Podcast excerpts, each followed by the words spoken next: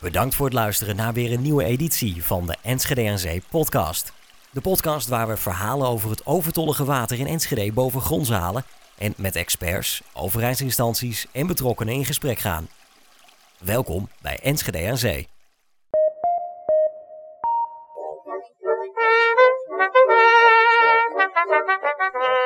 Welkom bij de allereerste aflevering van de Enschede aan Zee podcast. Leuk dat je er bent en meer over water in Enschede wilt weten.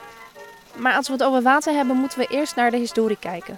Hoe komt het dat er zoveel water in Enschede is en op welke manier maakten de Enschedeërs er decennia lang gebruik van? Ton Vulker, stadsgids uit Enschede, kan veel vertellen over de Enschedeze geschiedenis.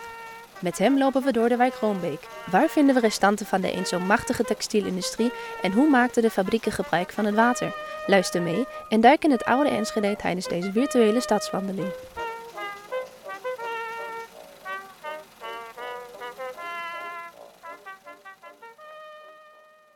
We staan nu hier echt vlak voor het Balengebouw. Ja, het was onderdeel van uh, spinnerij Bamsoeven. Oh, oké. En het werd gebruikt voor de opslag van katoenbalen. En- Vandaar de naam. Oké, en alleen katoenbalen en dat betekende eigenlijk, dus ze hadden ergens in Enschede nog een andere fabriek. Nou, ze hadden hier op, eh, meteen aansluitend op dit gebouw hadden ze dit hele terrein. Dat was één groot fabrieksterrein. Waar eh, nou, toch een van de grootste spinnerijen van, eh, van Nederland heeft eh, gestaan. Hè, en alles waar je nu huizen ziet, dat was allemaal industrieterrein. Dat was allemaal van de Bamsoeven. Door de denk vuurwerkramp heeft het natuurlijk best wat schade opgelopen. Je kunt het aan de bovenkant nog zien. Er is nog zo'n hele hap is er nog uit waar zo'n betonblok langs gevlogen is. Maar het, het heeft gelukkig wat minder te lijden gehad dan de rest van het Bamsoevencomplex. En daarom is het ook blijven staan. En eh, oorspronkelijk zou het dus inderdaad het, eh, het Kremermuseum worden. Dat is uiteindelijk door allerlei problematieken is dat niet doorgegaan. Het is ook nog een stuk uitgebreid aan de achterkant, waar je die, die beeltenis van Jan Kremer ook ziet in de wand. Eh, dat is een nieuw deel wat erbij aangebouwd is. En wat ze ook gedaan hebben, want het uiterlijk van het gebouw is behoorlijk aangepast, dat is dat ze het hele gebouw opgekrikt hebben, 2,5 meter, omdat de plafonds te laag waren om daar een museum in te beginnen. Klopt, klopt. Dat zie je op de eerste verdieping of Ja. aan de halve Ja, waar, die, verdieping. waar, die glazen, waar die glazen eh, puien in zitten. Dat, dat hele stuk, daar is het eh, gebouw hoger geworden. Oké. En even als we terugkijken naar de historie. eh, ik ga er ervan uit dat hier, hier was opslagruimte. Ze hebben dus geen gebruik gemaakt van water. Dat hadden ze niet nodig, denk ik. Nou ja, bovenin eh, is, was, was ook een wateropslag. Ja, als we het over water hebben, dan uh, ook Bamsoeven had dus een eigen wateropslag, zoals bijna elke textielfabriek dat had. En die zat bovenin dit gebouw ook voor een deel. Naast dat ze ook van bronnen gebruik maakten, hadden ze hiervoor met name de sprinklerinstallatie, hadden ze dus uh, wateropslag. En de sprinklerinstallatie was voor, precies voor wat? Nou ja, dat is voor als de brand uitbreekt. Dat je dan uh, heel snel, hè, door, door, de, door, door de hitte, uh, ons, smelt er dus iets in die installatie en dan begint het water te stromen, zodat die brand heel snel geblust kan worden. En het water moest natuurlijk onder druk staan daarvoor. En uh, water krijg je alleen maar onder druk door of er uh, ja, via een machine druk op te zetten. Of een hydroforen installatie, maar die waren er toen nog niet. Dus moest je het water van bovenaf druk laten geven op die sprinklerinstallatie. Oké, okay, en het water was er altijd, dat kwam vanuit bronnen? Uh, ja, of? doorgaans hier kwam het vanuit uh, bronnen. Uh, en we hadden hier natuurlijk de Roombeek, waar ook wel gebruik van gemaakt werd. Maar uiteindelijk kwam dat ook van een bron. Oké, okay, ja. oké. Okay. Ah, oké. Okay. En dan dat, dat water was dan echt alleen maar voor sprinklerinstallatie. En ze hadden daar eigenlijk ook al rekening mee gehouden. Oké, okay, ja. toen ja. was het echt vaker mogelijk dat de brand uit uh, Er is vaak brand geweest. Ja, okay. er zijn ook best wel wat textielfabrieken die ook inderdaad uh, brand hebben gehad. Uh, een, een, fabriek van Menko bijvoorbeeld, maar dat is niet hier in deze contraille geweest, maar dat was meer in de binnenstad. Die is bijvoorbeeld ook afgebrand, ooit.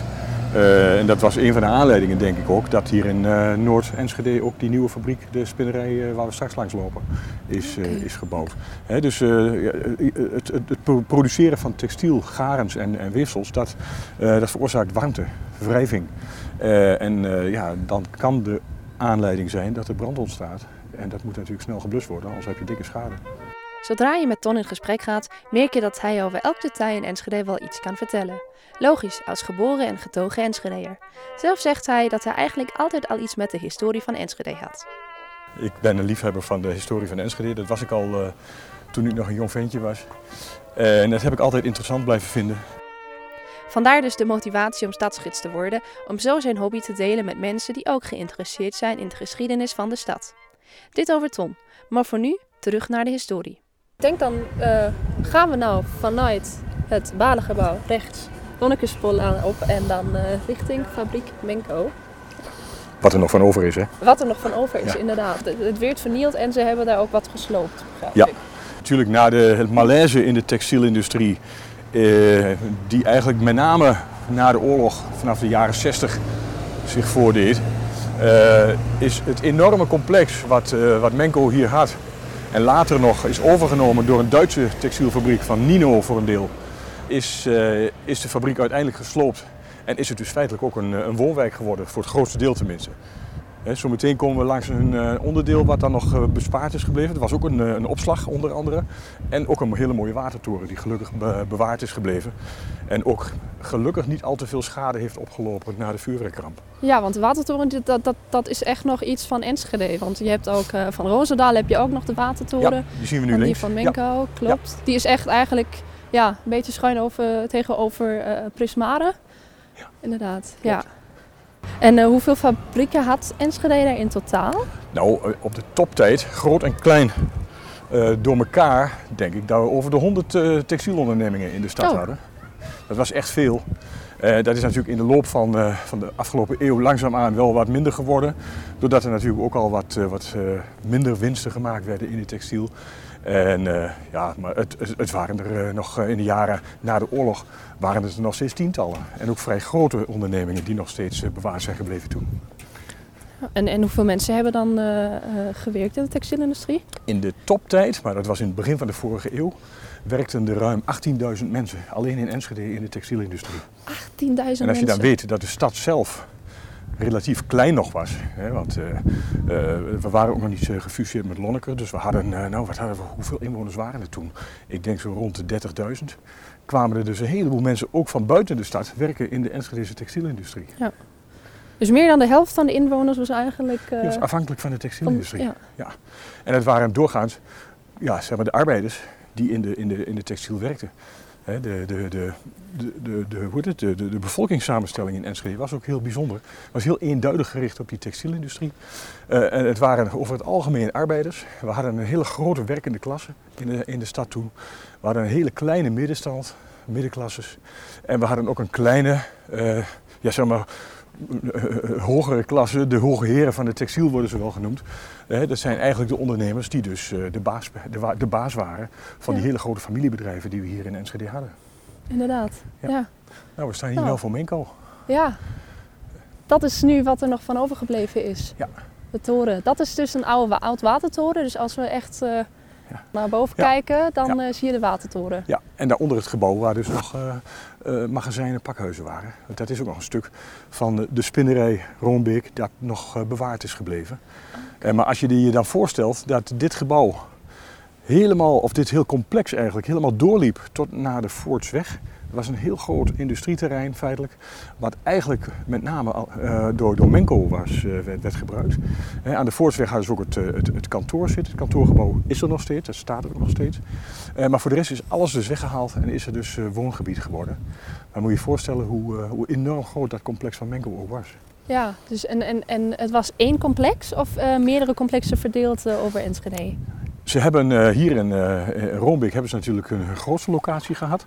Maar Menko had eh, kort voordat ze dus eh, gingen stoppen, hadden ze ook een grote locatie in de binnenstad van Enschede. Op de plek waar nu het winkelcentrum eh, de klanderij is. Daar heeft ook een hele grote productielocatie van, van Menko gezeten. Oké, en dit was dus echt hier waar we nu staan, is, was het pakhuis toen? Dit stuk wat nu nog over is, is een oud pakhuis ook van ze geweest. Met daarboven natuurlijk de watertoren. En die zijn nu omgeturnd tot, tot appartementen. En die watertoren die hoort bij een heel groot penthouse wat er bovenop zit. Oké.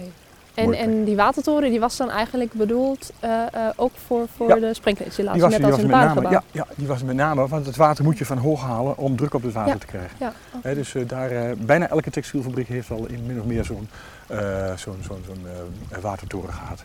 En is, eh, kunnen, weten we ook nog hoe Menko gebruik maakt van water in, in Enschede? Ze dat... eh, Ik denk vergelijkbaar met, eh, met de andere textielfabrieken.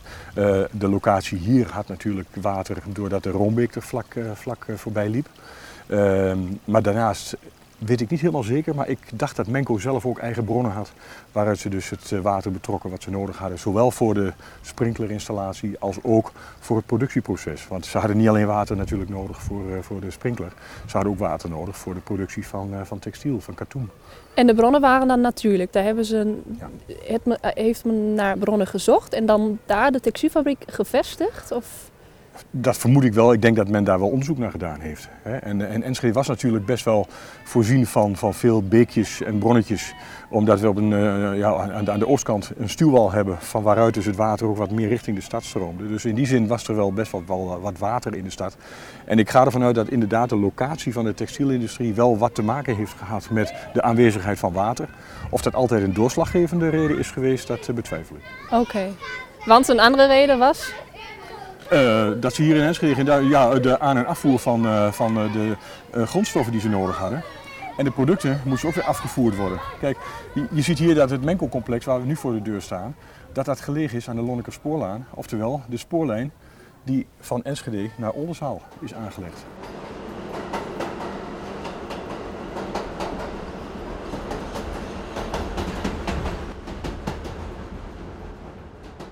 En eigenlijk was de spoorlijn, waren de spoorlijnen waren eigenlijk de, eh, de, de enige fatsoenlijke aan- en afvoermogelijkheden. Want het wegenstelsel zoals we dat nu kennen, ja, dat was abominabel slecht op dat moment.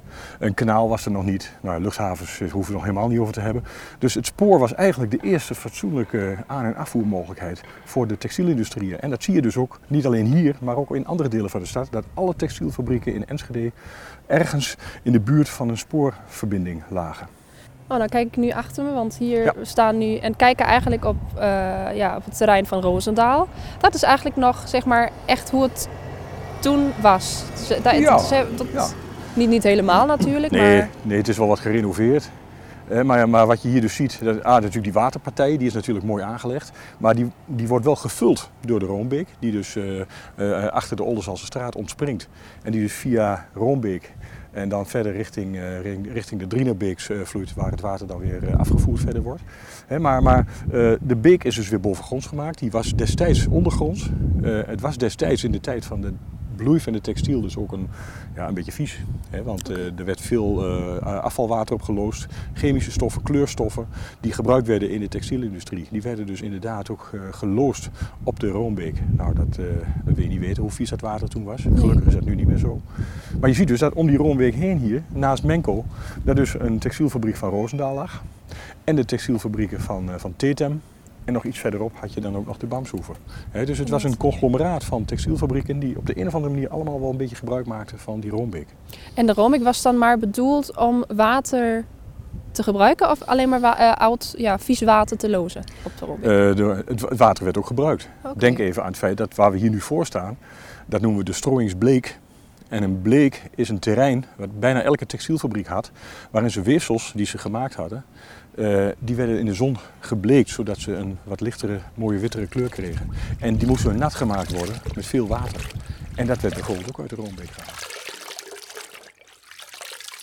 Dan kon je ze beter kleuren, denk ik. Eh, ze waren beter verkoopbaar, want het was redelijk grauw qua kleur als ze eh, uit de weverijen kwamen. Eh, ook garens werden, werden gewassen, hè, die, die soms ook ges- eerst gesponnen waren in de spinnerijen die we hier ook hadden.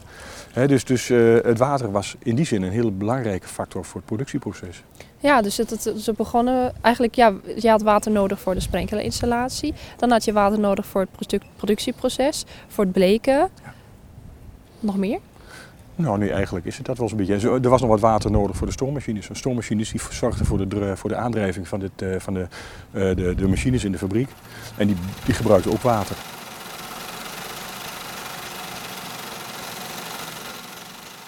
Zij het wat, eh, wat in mindere mate, maar die hadden ook water nodig. Dus daar kun je ook nog een functie van het water bedenken. Want water had onze stad altijd al. Meer dan 1300 jaar geleden kwamen de eerste bewoners juist naar deze plek omdat er zoveel water beschikbaar was. Ruim 80 beken stroomden van de stuwwal naar het lager gelegen Hengelo en Almelo. Er werd zelfs een binnengracht en een buitengracht gegraven. De buitengracht werd al in 1600 gedempt. In 1862 brak de stadsbrand uit en toen verdween ook de binnengracht. Want die werd destijds volgegooid met de puin van de brand. Jaren later ontwikkelde zich de Enschedeze textielindustrie, onder andere vanwege de vele bronnen en beken. Maar ook omdat België in 1830 zelfstandig werd, waardoor Nederland weer een eigen industrie nodig had. Later meer hierover. En we hadden het net, nou ik denk dat we even het Roosendaalterrein opgaan. Dan kunnen we even zo door de museumfabriek of onder de museumfabriek langslopen. Maar dat betekent dus, uh, je vermoedt dat Menko een eigen bron had. Ja. Hadden andere textielfabrieken dat ook, een eigen waterbron? Ja. Okay. de grotere textielfabrieken eigenlijk bijna allemaal wel. Ik denk even aan het hele grote complex van, dat is niet hier op Roombeek, maar van Schuttersveld bijvoorbeeld. Op het, de plek waar nu het meubelplein is. Mhm. die hadden ook een eigen bron op het eigen terrein. Van Heek zelf had bronnen op het eigen terrein. Had ook een grote vijver voor de deur liggen. Die ze aangelegd hadden, ook voor, koel, voor het koelwater wat ze nodig hadden. dus dus de grote fabrieken hadden allemaal wel een, een, een bron. En het, het grappige, of het minder grappige eigenlijk, is ook dat toen die fabrieken dus stopten en de bronnen dus niet meer gebruikten, begon dus het grondwater in Enschede ook behoorlijk te stijgen. Met alle gevolgen van dien. want eigenlijk hebben we dat nog steeds. Ja.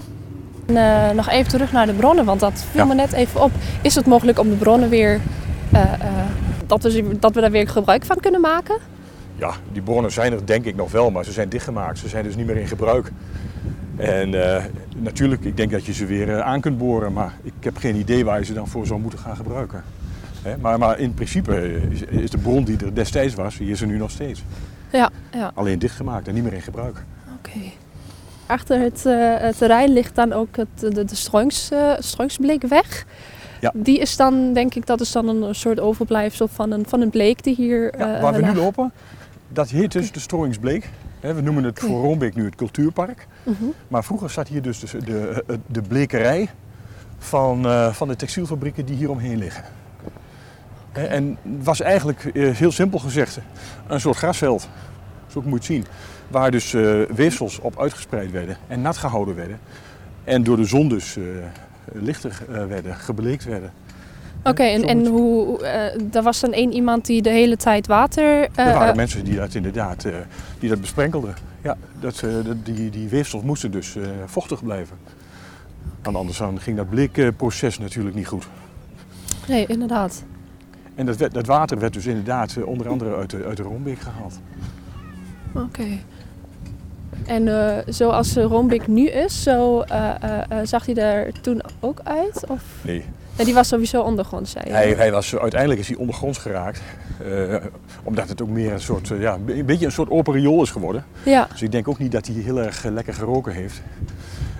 maar een van de eisen die gesteld werd toen dus Rombik, de wijk, na de vuurwerkramp weer opgebouwd werd is dat de Rombeek binnen de wijk weer bovengronds gemaakt moest worden. Okay. En dat heeft men dus op deze mooie manier gedaan. He, dus uh, dit is niet de oorspronkelijke vorm, het is wel de oorspronkelijke plek waar de Rombeek lag. Ja. En je ziet straks aan de voorkant ook, aan de Roomweg, dat hij op een hele leuke speelse manier ook bovengronds is gekomen. Met die staptegels die erin gemaakt zijn. Inderdaad. Een leuke speelplek voor kinderen natuurlijk. He, maar dat, uh, dat, dat, dat was dus een van de wensen die men meegenomen heeft in de ontwikkeling, de herontwikkeling van, van deze woonwijk. Om het terug te laten komen. Ja. ja. Okay. En, en, water is altijd leuk. Hè. Zeker stromend water in een stad. Dat uh, trekt mensen altijd aan. En dat hebben we in Enschede dus eigenlijk bijna nergens meer. Maar hier en daar in de stad zie je dus nu nieuwe initiatieven om uh, het water weer bovengronds te krijgen. Inderdaad. Oké, okay, nu zijn we echt uh, bij, de, bij de museumfabriek. Ja. Links hebben we nu de watertoren. Yes. Hoe hoog zijn die watertorens eigenlijk? Dat is een goede vraag. Ik denk dat deze, ik weet het niet exact, maar ik schat zo in dat die wel een meter of uh, 30, 40 is. Wel hè? Ja, denk ik wel. Houd Ja. maar eens op 30 meter. Dat haalt hij zeker. Ik denk ook. Maar zo'n heel mooi exemplaar hier deze van ja, Roosendaal. ja. Die is eh, heel mooi. Die is ook gelukkig, eh, heeft hij niet al te veel schade opgelopen bij de vuurwerkramp. Ik dat vind het is- ook mooi dat, dat, dat de namen daar nog op staan. Dat Ja. je echt uh, Roosendaal, al- Menko... Ja, hij is kan je echt een beetje voorstellen hoe het, hoe het destijds was. Ja, klopt. Dit is dus inderdaad de oude, oude fabriek van, eh, van Roosendaal geweest. Dit hele terrein. Mhm. Waar dus inderdaad de poetskatoen eh, geproduceerd werd. En begin jaren 70 dus ook hier het, eh, ja, de hamer viel en het bedrijf moest worden opgedoekt. Wanneer hebben ze... Ik denk, was Van Heek de laatste fabriek die stopte met, met produceren? Nee, ik denk dat dat misschien wel de Bamsoever zou, zijn, zou kunnen zijn geweest. En waarom? Van Heek die begon eigenlijk al met zijn massa-ontslag. In 1967 werden er in één keer 1700 man ontslagen bij Van Heek. Dat is eh, de fabriek met naam Van Heek Co. aan de spoorlijn naar Duitsland. En toen waren er nog 2000 over die in de jaren daarop ook langzaamaan hun baan hebben verloren. Eh, dus daar begon eigenlijk het, de grote ontslaggolf begon daar eigenlijk mee. Toen ging het heel snel achter elkaar door. En dus onder andere de Bamshoeven aan de overkant van de Roomweg, die draaide ook slecht.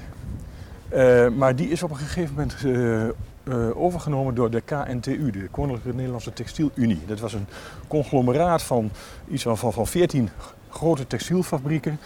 Met name hier in het oosten, maar ook nog een aantal in andere delen van het land. Maar uiteindelijk is ook die KNTU door de slechte markt, slechte omstandigheden in het textiel, grote concurrentie uit het Verre Oosten, is de KNTU ook ter ziele gegaan en failliet gegaan. Uh, toen heette de Bamshoeven al lang niet meer Bamshoeven, maar toen heette het uh, uiteindelijk Spinnerij Nederland. Met nog wat staatssteun zelfs heeft die fabriek nog een moeizaam bestaan gehad tot begin jaren 90 zelfs. En toen zijn de laatste uh, 200 mensen die er nog werkten, zijn uiteindelijk ook ontslagen met alle toestanden van dien. Oké. Okay. Nou, hier zie je dus links ja, de Rombeek. En je ziet dus ook dat het water stroomt, zie je dat? Ja, stroomt inderdaad. die kant op. Ja. Waar heeft dat mee te maken dat het niet, niet uh, uh, ja, het is een bron, hè? Het is een bron, daar komt water uit. Daar ginds ergens aan de overkant van de Oldenzaal straat. Uh, en, en, en dat loopt gewoon door. En het loopt natuurlijk van het hogere deel van Enschede naar een wat lager deel van Enschede. Want als, het, als dat niet zo was, dan zou het niet stromen inderdaad. Dan zou het nee. niet overlopen. Ja, dat, dat klopt. Maar ze hebben hem hier dus op een hele mooie manier weer zichtbaar gemaakt. En gelukkig is hij nu schoon. Ja, nu wel. Hij ja. stinkt niet meer. en die gaat ook nog zeg maar de straat over eigenlijk? Ja, tot- hij gaat onder de Dunningenstraat door. Dan gaat hij uh, langs de Walhofstraat. En dan ergens buigt hij af richting Van Heekpark, Ledeboerpark. En dan gaat hij dus richting Hengelo, waar hij uitkomt in de Drienerbeek.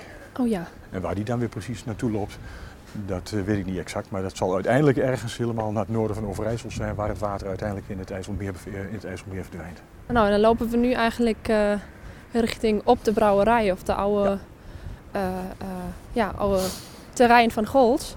Want dat had natuurlijk ook ja. te maken met, met, met water en het gebruiken van water. Ja. Gols had ook zijn eigen bronnen. Hoewel ik denk dat het grootste deel van het water van Gols, toen ze nog hier zaten, uit de uh, buurt van Losser kwam. Maar ook was een, een grote watergebruiker. Ja, uiteindelijk is water wel de basis van het bier wat ze maken. He, maar dus Gols is, is sterk afhankelijk van, uh, van, van water geweest altijd. Is het nog? Ja, tuurlijk. Ze hebben het, uh, denk ik, ja, sowieso voor, voor het produceren van bier nodig. Ja. Uh, hadden ze ook nog andere doeleinden? Zeg maar, waarvoor ze het water gebruikten? Niet dat ik weet eigenlijk. Het zou best kunnen hoor, maar ik denk het haast niet. Dus je had hier eigenlijk in een industrieterrein, het was eigenlijk, is, ja, je kan het haast niet meer voorstellen hoe groot het eigenlijk was. Nou ja, de, de Gol zat dus hier op de hoek, zeg maar, van uh, hier aan het eind van de Rombeek. Uh, bijna aan de Dunningenstraat zaten ze eigenlijk.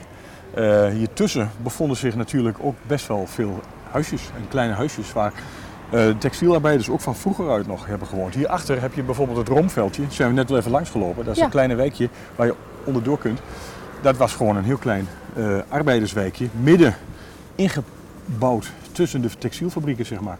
Hier aan de Romweg net zo, hè, ook de, de straat hierachter, Talmaplein, Kroethöfteplein.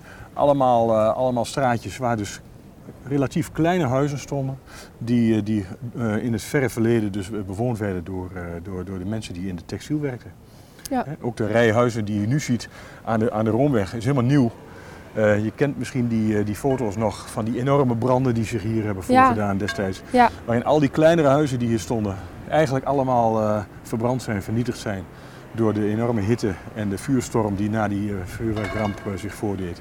Waardoor dus eigenlijk dit helemaal nieuw gebouwd is. Steken we nu de straat over richting de Renbaanstraat Gaan we de Renbaanstraat in, in ja. Nou ja. Je ziet deze straat ook, de Renbaanstraat. Die is helemaal nieuw. Allemaal huizen van de laatste 15 jaar die hier gebouwd zijn. Maar dit Ja. was ook echt één brok ellende wat hier destijds na de vuurwerkramp zich afspeelde natuurlijk. Het was allemaal kapot, verbrand of door de klap eh, ontzet. Oh ja, en dan zie je hier links eigenlijk het Kroethöftplein. Dat was destijds ook een arbeiderswijk of een klein... Er waren allemaal kleinere huizen, eh zowel het Kroethöftplein als ook het Talmaplein. Die, eh, die, die lijken veel op elkaar. Maar die werden inderdaad voor een groot deel eh, bewoond door mensen die, eh, zeker in de, in, de, in de tijd dat het textiel nog bloeide, eh, mensen die dus in de, eh, in de te- textiel aan het werk waren. Later, toen die fabrieken dus verdwenen waren, zijn er dus ook allerlei andere mensen in de wijk komen wonen. Er wonen veel eh, Eh, ja, oh, zeg maar studenten ook, eh, kunstenaars, eh, eh, mensen met een wat smallere beurs die vaak wat kleinere huizen bewoonden. Dus dat, dat was in die tijd heel gebruikelijk, zo rondom die fabrieken. En nou ja, later zijn er dus weer nieuwe huizen gebouwd. Hier zie je nog een kunstwerk. Oh Kun je- ja.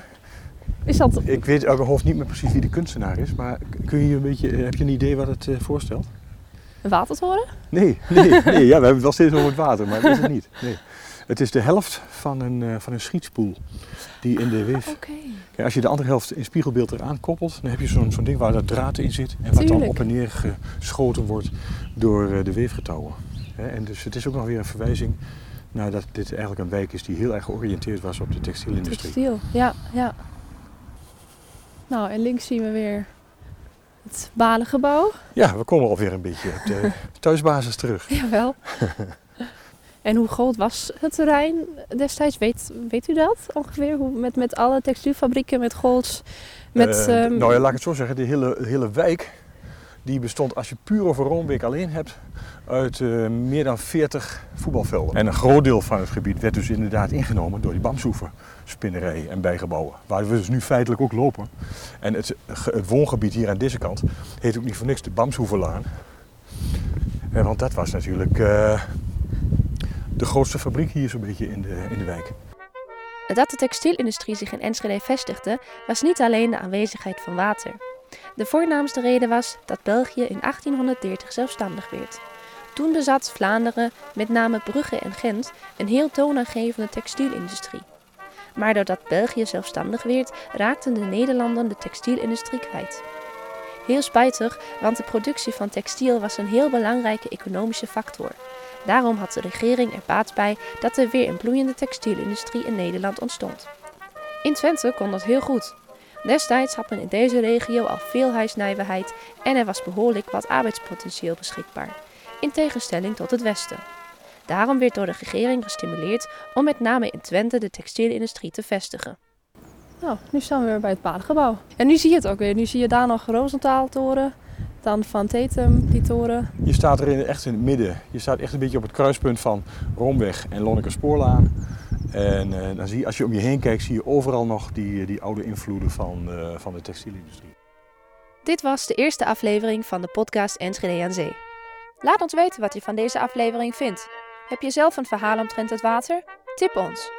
Je vindt ons op 120.nl slash water, op Facebook of Instagram onder 120 Enschede en natuurlijk op iTunes en Soundcloud. Wat er ook gebeurt, je ervaart het via deze kanalen.